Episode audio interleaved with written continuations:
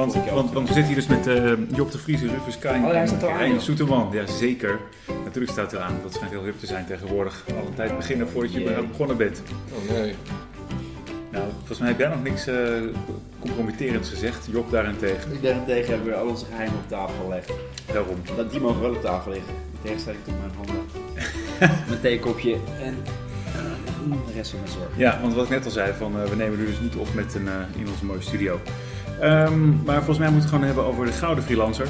Eh, over het feit dat we, eh, en alle andere dingen. En We zitten nu wel eindelijk aan de lunchtafel waar we altijd van fantastische gesprekken hebben. Waarvan we achteraf zeggen dat we het hadden moeten opnemen.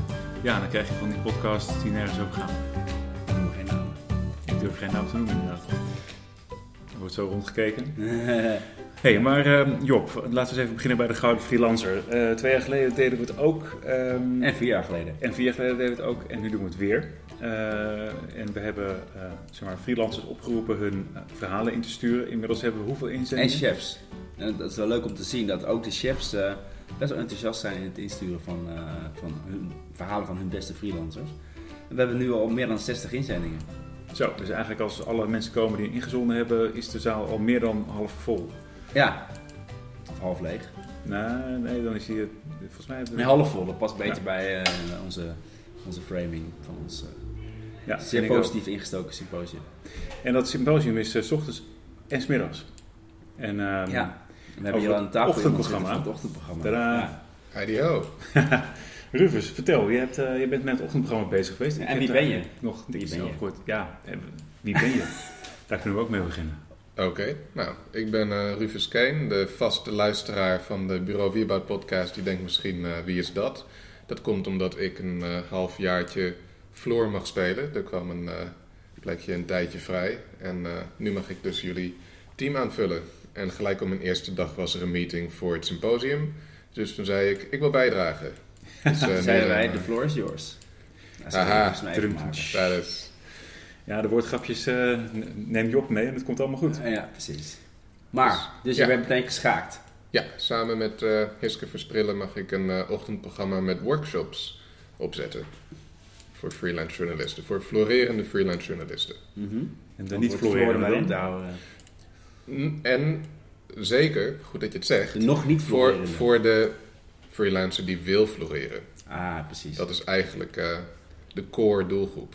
Ja. Wat, is ook alweer, wat is ook weer het idee van de ochtend? Want we hebben dus eh, de uitreiking sowieso van de prijs. Dan hebben we daar sprekers. En dan in de ochtend... Hebben we eh, twee uurtjes van eh, workshops. En dan eh, hebben we dus een paar om uit te kiezen eigenlijk. Misschien worden sommige zo populair dat het eh, vol is vol wordt. Maar bijvoorbeeld, eh, je kunt denken aan een workshop subsidie binnenharken Aha. door Job de Vriezen. Ik weet van niks. Nou, nee, ik, deze- weet, ik, ik, weet, ik, ik was even druk met eh, subsidieaanvragen doen. Dus ik had het nog niet helemaal meegekregen. Jawel, ik had het wel meegekregen. flauw. En wat hebben we nog De meer? titel, was, de titel was jouw idee, geloof ik. Ja, binnenharken. Dat vind ik Ja. altijd wel mooi klinken. Altijd geleur altijd. Nou, bijvoorbeeld, ik wil niet alles prijsgeven. Maar ehm, bijvoorbeeld een workshop onderhandelen. Hebben we ook al weten uit te onderhandelen met eh, Nick Kiewits. Die eh, Oké. komt op vertellen hoe het moet. Oh ja, onderhandelen over voorwaarden en zo, toch? Ja, onderhandelen over voorwaarden inderdaad. Hij heeft ook een eh, website gemaakt voor, ehm, over freelance contracten voor journalisten. Ehm, maar ook, ik denk dat het ook zal gaan over vergoeding. Dus een beetje een combinatie. Eigenlijk gewoon, als jij freelance journalist bent en je hebt een opdrachtgever... en je weet niet zo goed hoe je tot een soort van eerlijke overeenkomst moet komen... financieel dan wel anderszins... Dan, eh, Daar kon je, dan moet je bij die workshop dat je uitgebuit wordt eigenlijk. Dat is, ja, in, in, korte, in korte lijn is dat het plan. En hoe heet die website? Weet je dat toevallig? Freelancevoorwaarden.nl volgens Oh ja. mij. Dat is hem. Ja, en, ehm, en, en er zijn nog andere workshops, neem maar van wel. Mhm. Ja, we zijn eh, van plan, het moet een stuk of zes workshops eh, zijn. En dan, oké, ik denk de helft daarvan is eigenlijk in-house, zoals Job. En eh, de helft eh, hebben we externe mensen voor aangetrokken, zoals Nick. Hiske heeft ook mensen Melchior voor een workshop gestrikt, geloof ik. Dus Ah, eh, ja, Over, het gaat Over pitchen volgens mij, of niet? dat geloof ik wel. Maar daar gaan we, gaan we niemand op vastpinnen nog. Nee. Voor zover het nog niet officieel is bevestigd natuurlijk. Nee, wat dat betreft is het wel spannend. eh, de- de- sowieso in de ochtend eh, eh, voor de workshops, eh, en dat is inclusief lunch. Uh, nou, wat dat betreft... ehm, En die, eh, daar, daarvoor rekenen wij op onze collega Joël. Die, Ja. eh, Mm. die gaat voor ons de lunch regelen. Dus eh ja, de, de lat ligt hoog. bedoel je dan dat hij het zelf gaat klaarmaken of gaat, gaat, gaat hij nee, anders dat dat doen? gaat hij regelen. Als hij klaar, als hij even, even weg met, met zijn neus uit die kinderwagen en eventjes, eh, eventjes wat anders doen.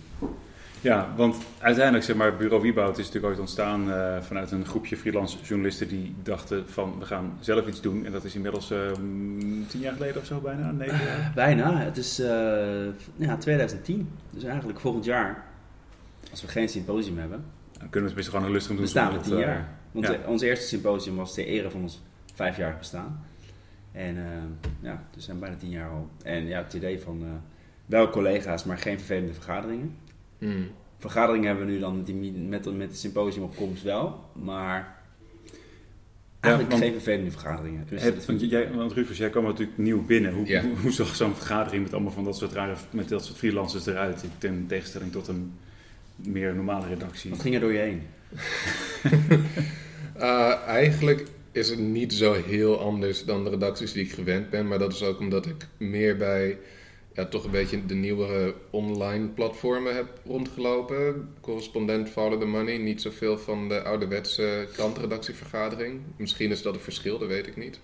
Um, maar het is een beetje dezelfde generatie die ik gewend ben, zeg maar. Um, maar het leukste, maar het leukste ook eraan... niet meer jong zijn. Nee, Inmiddels ook al niet. Nee. Ja. Maar het leukste daaraan vind ik dat je allemaal een beetje in hetzelfde schuitje zit. En dus ook met zo'n symposium dat je. Het is niet zo moeilijk om te bedenken wat voor workshops en voor het middagprogramma waarschijnlijk hetzelfde.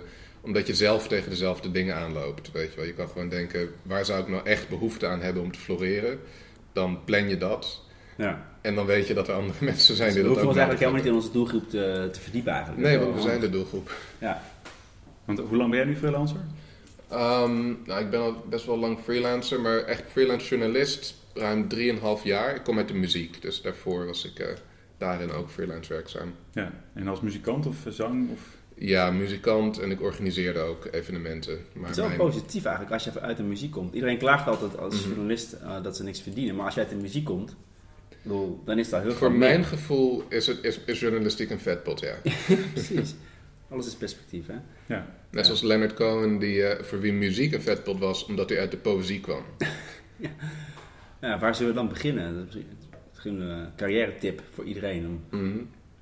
om in obscure Begin zo laag mogelijk, Esperanto-poëzie te gaan beginnen. En dan... dan ben je de rest van je leven alleen nog maar gelukkig met wat je hebt, ja. Ja. ja maar uiteindelijk, zeg maar, wij wonen wel in Amsterdam of omstreken. En dat is, ja, op een gegeven moment is dat best lastig. Levensstandaard. Ja, ik bedoel, op een gegeven moment kun je geen eh, koffie meer kopen. En dan moet je eh, alles aan eh, bo- boterham met pindakaas eh, en... eh, Maar daarom heb je ook een filterkoffieapparaat. klopt. Dat scheelt weer. Klopt. hey, maar ehm, voordat we eh, Afdwalen. afdwalen naar onze eigen keuken hier eh, in, eh, bij Bureau Wieboud. Ehm, voor het middagprogramma, zijn daar wat dingen over bekend, Job? We hebben in ieder geval al één... Kijk, sowieso het idee hè, van het hele symposium is van begin af aan, de eerste editie geweest, om een soort van... ehm, niet een eh, gecensureerd, maar wel een soort positief geluid te laten horen over freelancers. Zo- Zowel wat betreft die prijs, dat laten zien dat freelancers als meer, meerwaarde hebben. En wat we kunnen doen in onze... eh, we moeten dan soms wel leuren om geld, maar we hebben wel heel veel vrijheid en creativiteit en onze eigen expertise. Eh, maar ook om dat symposium te laten zien van jongens, dat de mensen die komen naar huis gaan met het idee van wauw, eh, de ondernemende kant, zowel het ondernemen zelf als het journalistieke. En dit jaar dus heeft, hebben we dan hè, die werktitel eh, Florerende free- Freelancer. Het laten zien dat je ook in deze tijd, in de vluchtige tijd, en in de tijd waar alle tarieven onder druk staan, uh, wel degelijk mooie dingen kan doen. We hebben in ieder geval al één spreker vastgelegd, dat is onze oud-wiebouter Bette Dam. Uh, die heeft een prachtig mooi boek geschreven over uh, de Taliban. Op zoek Ja, naar de vijand. Echt op zoek gegaan naar de, de leider. En uh, nou ja, zij zal waarschijnlijk een betoog gaan houden tegen hoe, hoe de, om maar een mooie cliché-term, mainstream media rapporteren uh, over dit soort uh, conflicten. En ze eigenlijk soms alleen maar erger maken. Dus nou, dat je gewoon echt onderzoek moet doen om te weten of je bronnen eigenlijk wel kloppen. Of dat je misschien gewoon... Ja, nou ja zij schreef op een stuk uh, op Villa Media waarin ze nog even uithaalde naar een recensent van een landelijke krant die haar niet veel ballen had gegeven, zullen we zeggen, in de recensie. Eigenlijk omdat deze persoon vanuit dat perspectief van die massamedia, van die mainstream media, zeg maar, überhaupt haar verhaal niet aannam. En da- daar is ze nogal gefrustreerd over. Dat snap ik heel goed. Want als je maar een beetje meer verdiept, en dat, dat is toch wel vaak, komt vaak van freelancers tegenwoordig. Als je tijd en ruimte hebt om je echt te gaan verdiepen in iets, kan je, dan kan je kapot gaan ergeren aan hoe anderen die denken dat ze het weten, zich erover uitlaten. Ik herken het wel een beetje, want ik zit nu een beetje met vaccinaties en daar zie ik hetzelfde een beetje eigenlijk. Dat, eh, Maar dan zie je natuurlijk wel al een, een, lastig ding volgens mij, qua, qua, als je het hebt over geld verdienen. Als je in een, in een echte niche zit, dan is het ehm, vaak lastig om daar op een gegeven moment echt je geld als journalist in te verdienen. Ehm, terwijl als je in een, bijvoorbeeld als je bij aan de medische kant zit of misschien aan voedsel of iets dergelijks, daar is, een, daar is het voor mijn gevoel makkelijker om verhalen te verkopen aan verschillende media. Ja, ja, maar alles kan natuurlijk een niche zijn. Wat ik bij Bette ook wel zie, is dat ze... Nou, zij is misschien niet eh, super, super commercieel ingesteld, maar ze wordt wel heel vaak gevraagd om toch weer even commentaar te geven op de radio. Ze schrijft ook voor internationale media, ook voor eh, grote Amerikaanse media, Britse. Dus ze wordt wel degelijk, ze, ze weten er wel te vinden. Alleen ondertussen, tussen, tussen haar eh, artikelen door, wordt er toch weer oppervlakkig eh, ge- gebeuren verspreid. Ja. Maar ik denk dat dat wel de kunst is, dat, ze, eh, dat je in een niche hoeft ook nooit voor de rest van je leven te zijn. Hè? Dat je kan je een tijd ergens in gaan verdiepen. Dan wordt het een dossier en dan kun je vervolgens kun je weer, eh, kun je weer verder. Dus eigenlijk zeg je van probeer gewoon een, een dossier te bouwen van iets en probeer op een gegeven moment, als, als het moment daar is, daarmee naar buiten te komen. Ja, Gebruik het dan een tijdje en ga dan weer naar de volgende. dat zou kunnen. Ja, dat, dat- vind ik leuk. Som- Sommige mensen die eh, willen liever eigenlijk dat, hetzelfde specialisme de hele tijd aanhouden. Ja, dat is een keuze. Maar dat is denk ik wel een manier zodat je in ieder geval ergens... Eerst moet je je autoriteit verdienen, dan kun je het een tijdje uitmelken en daarna kun je weer, eh, kun je weer door eigenlijk. Ja, dus jij hebt nu gehad, eh, eh, de, zeg maar de, Ja, ik heb me eerst een tijd in de, in de beestjes verdiept, de bacteriën en zo. En daar was op een gegeven moment wel alles wel over verteld, vond ik zelf. Ja. Door, door mij tenminste. Eh, een tijdje, dan zien ze wat nieuws. Nou, toen ben ik nou ja, dat boek over mannelijkheid gaan schrijven. Heel veel dingen over man-vrouw verschillen en zo gaan uitzoeken. Toen werd het...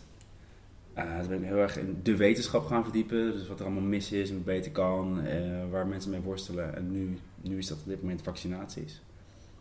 En wie weet wat daarna komt. heb, heb, heb jij echt al specialisaties of ben je nog... Nou, ik ben begonnen vanuit de specialisatie muziekindustrie. Mhm. Ehm, want ik ben eigenlijk dus hier ingerold omdat ik aan het researchen was hoe die industrie in elkaar zat. Omdat het zo ondoorzichtig was. En eh, daar is afgelopen anderhalf jaar geleidelijk de videogame-industrie bijgekomen. Dus nu eh, schrijf ik steeds meer ook daarover. Eh, best een uitdaging, want weet je wel, weer net een ander veld. Het ligt er best dichtbij, maar weer totaal andere wereld. Dus dan moet, dan moet je ook de stap maken van dat je een heel nieuw netwerk eigenlijk aan het opbouwen bent. En dan schrijf je echt over de videogame-industrie of, of ook over videogames van kijk, dit is een toffe game. Met name de industrie, eh, wel af en toe ook over games hoor. Ik heb eh, voor Trouw geschreven over wat Fortnite zo interessant maakt, bijvoorbeeld, weet je wel. Want zij hadden eigenlijk nog niet echt een stuk daarover aan het einde van het jaar. Wilden ze graag alsnog doen. Ja. Dus ja, dat is wel cool. Gewoon aan mensen die daar niks mee hebben uitleggen waarom dit, eh, waarom dit de shit is. Ja, dat is natuurlijk ook echt een generatiekloof, Ja. game-wise. Die, die kloof over bruggen vind ik best wel leuk. Maar daarnaast schrijf ik dus bij Follow the Money bijvoorbeeld over lootboxen en, eh, en dat soort dingen. Ja, ja bekend, eh, bekend fenomeen aan het worden Mhm. om geld te verdienen. Althans voor ja, die games spelen. Maar, ja. Oh, cool. Ja. ja, en verder voor de middag hebben we dus, eh, daar wordt ook hard aan gewerkt nog. Wat in ieder geval wat we wel kunnen vertellen is dat er, eh, in tegenstelling tot wat op veel symposia gebeurt, er niet alleen een rijtje met panels en keynotes eh, ke- en een keynote is. Er komt zeker een keynote, er komt zeker dus de uitreiking. Maar er, wordt, er komen zeker, net zoals in eerdere edities, weer allerlei creatieve vormen aan bod om mensen zelf eh, aan het denken en bewegen te zetten. Misschien wel letterlijk. Ja. We hadden natuurlijk eerder eh, hebben de, de verhalenmarkt gehad. Daar is zelfs nog een soort bed- eh, bedrijfje uit voortgekomen. Dat de, de freelancer nu eens een keer niet moest gaan leuren, maar zijn verhaal of het, het, idee mocht vertellen. En dat dan vervolgens chefs moesten gaan strijden of bieden om het verhaal. Wat eigenlijk best wel een succes was. We hebben een, een eh, relatiecoach gehad die ging bemiddelen tussen chefs en eh, freelancers. Dus nou ja, daar gaan zeker varianten op, eh, op ons nieuwe symposium komen. Ja, en inmiddels hebben natuurlijk ook veel van de mensen van Bureau Wieboud hebben, hebben cursussen gevolgd of trainingen gevolgd. Hebben Ik trainingen tot je kinderen presentaties. gekregen, maar dat... Kinderen gekregen dat ook. Ehm, in- in die zin zijn wij natuurlijk als freelancers ook op een bepaalde manier gegroeid. Eh, en Ja. hebben meer kennis gekregen over hoe je dat soort dingen goed- wel of niet goed kunt doen. Ja. We hebben een aantal moderatoren in huis. Het was een enorme strijd om wie dit, mocht gaan, dit prestigieuze evenement mocht gaan eh, presenteren. Dat was eh, ja, een open, open aanbesteding binnen Wieboud geweest. Bijna iedereen hier is ouder inderdaad. Ik heb me echt in jaren niet zo jong gevoeld. ja, ik ben een stuk, we zijn allemaal een stuk ouder dan een paar jaar geleden inderdaad. Ja, nou, maar ik bedoel ouder als in ze hebben kinderen. Ja, Oh, Ook oh, ouder- oh, ook ik moet je ouder nu ineens... Eh, ouder dan ja, maar we zorgen wel af en toe voor wat aanwas van onderaf natuurlijk. Ja, Ja. Ja, dat is wel interessant, ja. Dat had ik niet eh, zo bij stilgestaan. ja, ik vind het fascinerend. Ja? Ja, we Kinderen? allemaal, je- ja, Mensen met allemaal, kinderen. je- mensen met kinderen. Blijken gewoon ook mensen te zijn. Ja, dat, dat de freelance journalist dus dat ook nog eens dat allemaal moet combineren met eh, de kinderopvang en weet ik wat allemaal. Ik weet het wel, maar meestal is dat de oudere generatie en niet mijn, eh, mijn naaste collega's. Ja, Dat vind precies. ik wel Komt grappig. er heel dichtbij dan, Ja. of niet? Ja, het komt heel dichtbij. Ja. Hoe, hoe ervaar jij dat? Want jij, eh, ja, je bent eigenlijk ouder dan de meeste, de meeste van die mensen. Maar ja, Ik vind het heel Ja, lekker laat rustig het dat voorbij kinderen heb. maar eh lijkt me ook af en toe wel vermoeiend. Ja, ik moet wel zeggen dat op een gegeven moment al die kinderverhalen, dat ik, dat ik dan op dat soort momenten tijdens de lunch wel denk, oké, ik ben nu Maar daarom heb je ook die persoonlijk bureau in die hoek staan daar ook, dat je dan zo... Mm. Hup, ik kan me volledig eh, afzonderen. Ja, precies. Maar dat is ook het voordeel van een kantoor natuurlijk. Trouwens, de collega die je noemde die zoveel gevraagd wordt, waar schrijft zij over? Ehm, nou ja, Bette, ja, Ja. in principe is zij dus helemaal op Afghanistan. Afghanistan, en oké, daar, ja. daar is heel veel geweest en zij weet heel veel van het conflict. Oké, Eh, ja. en Haar kennis gaat dan echt verder dan, oh ja, je hebt de Taliban en je hebt... eh, Ja, nee, had ik even en- gemist. Ze is eigenlijk niet lang na die tijd, volgens mij, voor de eerste die kant op gegaan. Maar goed, Ja. dat, Ja, ze is, eh, ze is, is die kant op gegaan toen eerst embedded. En toen werd er ook Mhm. gezegd van het is gevaarlijk om naar buiten te gaan. En toen is ze toch op een gegeven moment naar buiten gegaan. En is, heeft geleerd dat, er, dat de wereld misschien iets anders in elkaar zit dan verteld werd in, de, in het kamp eh, Holland. Eh, en van daaruit is ze steeds meer research gaan doen. Dus in En die zin eigenlijk is een haar werk een beetje met, metafoor voor wat je als freelancer, denk ik, als je het goed doet, uiteindelijk doet. Ja. Dus je, eerst begin je over een onderwerp te, te schrijven en je doet je dezelfde borrel Ja. praten als alle andere mensen. Ja, het is toch sowieso met de migratiecrisis. En, eh, zodra je je daarin gaat verdiepen, kom je er ineens achter dat het anders zit. Dat je je misschien anders moet manoeuvreren, dat de krachtenvelden anders liggen. Klinkt een beetje als het zijn net mensen.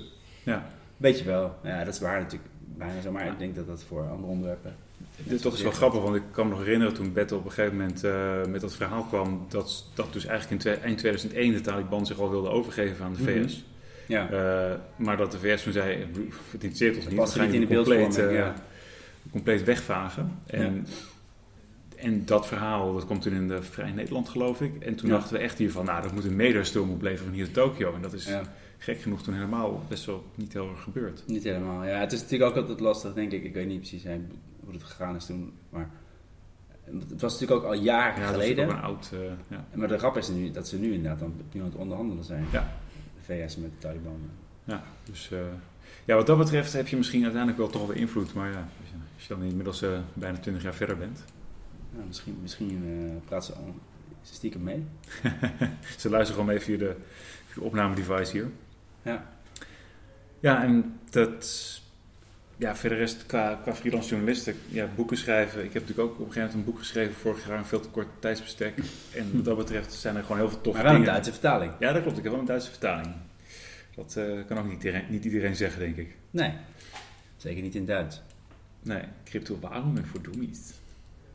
Ja, alleen daarom zou je het al, zou je het al Ja, mijn uitspraak is waarschijnlijk niet goed trouwens hoor. Dat is eh, wel een beetje spijtig. Ja, dat heeft die PR-tour in Duitsland wel in een beetje. ja. Nee, ja. Kijk, ehm, we hebben natuurlijk eh, de uitreiking. Er zijn, nou, als je kijkt naar die verhalen die ingestuurd zijn, zijn het gewoon echt hele toffe, heel uiteenlopende ook. Ehm, sommige zijn echt, echt diehard, eh maandenlange onderzoeksgraafwerk.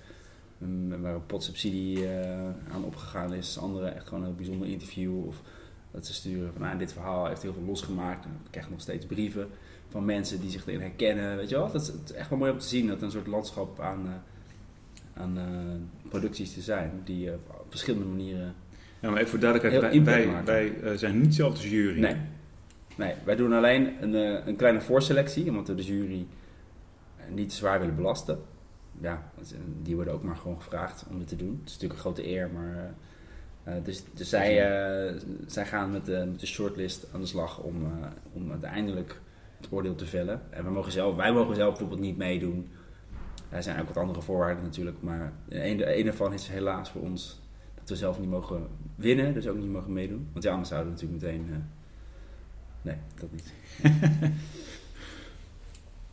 Allemaal, alle winning stories zouden ineens hier vandaan komen. Ja, dat... eh, Ja. Nee, maar ik ben heel benieuwd. want Ik heb zelf nog geen enkel van de verhalen gelezen. Ik moet zeggen dat ik, af, dat, ik dat jammer vind, maar dat ik de tijd eh, aan anderen laat. Eh, ja, en verder, ik, ik heb gewoon heel veel zin in de, in de aankomende Gouden Freelancer. We hebben inmiddels drie banners.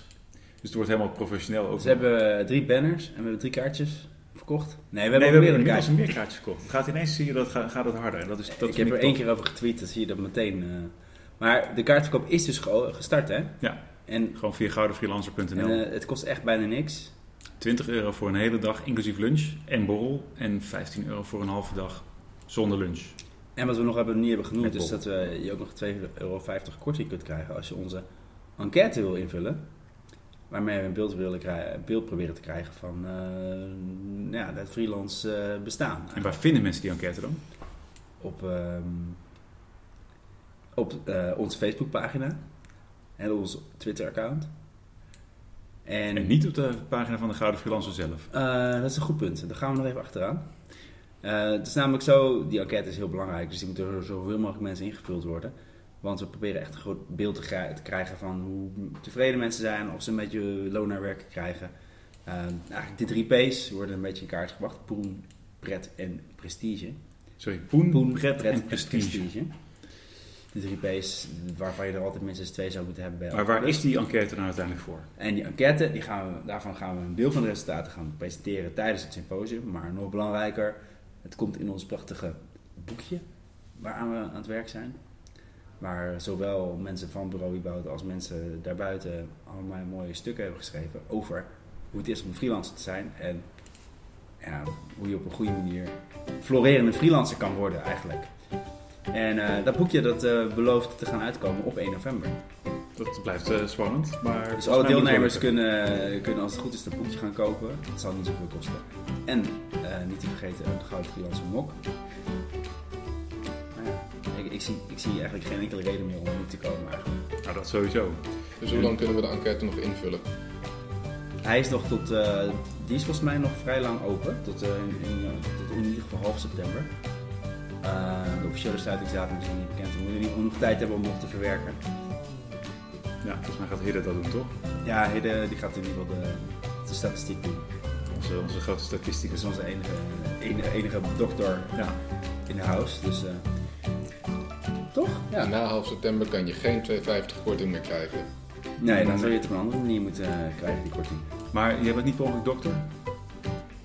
Nee, dan hebben we niemand eh, die... we- dan, dan houden we het gewoon bij Hidde. Ja. Goed.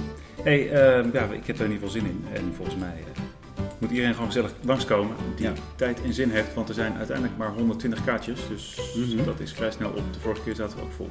Ja. Dus wees er snel bij. En eh, anders, mocht je deze podcast horen na 1 november... Nou ja, dan hopen we dat je in ieder geval genoten hebt van onze verhalen over eh, ja, freelancen en dat soort dingen.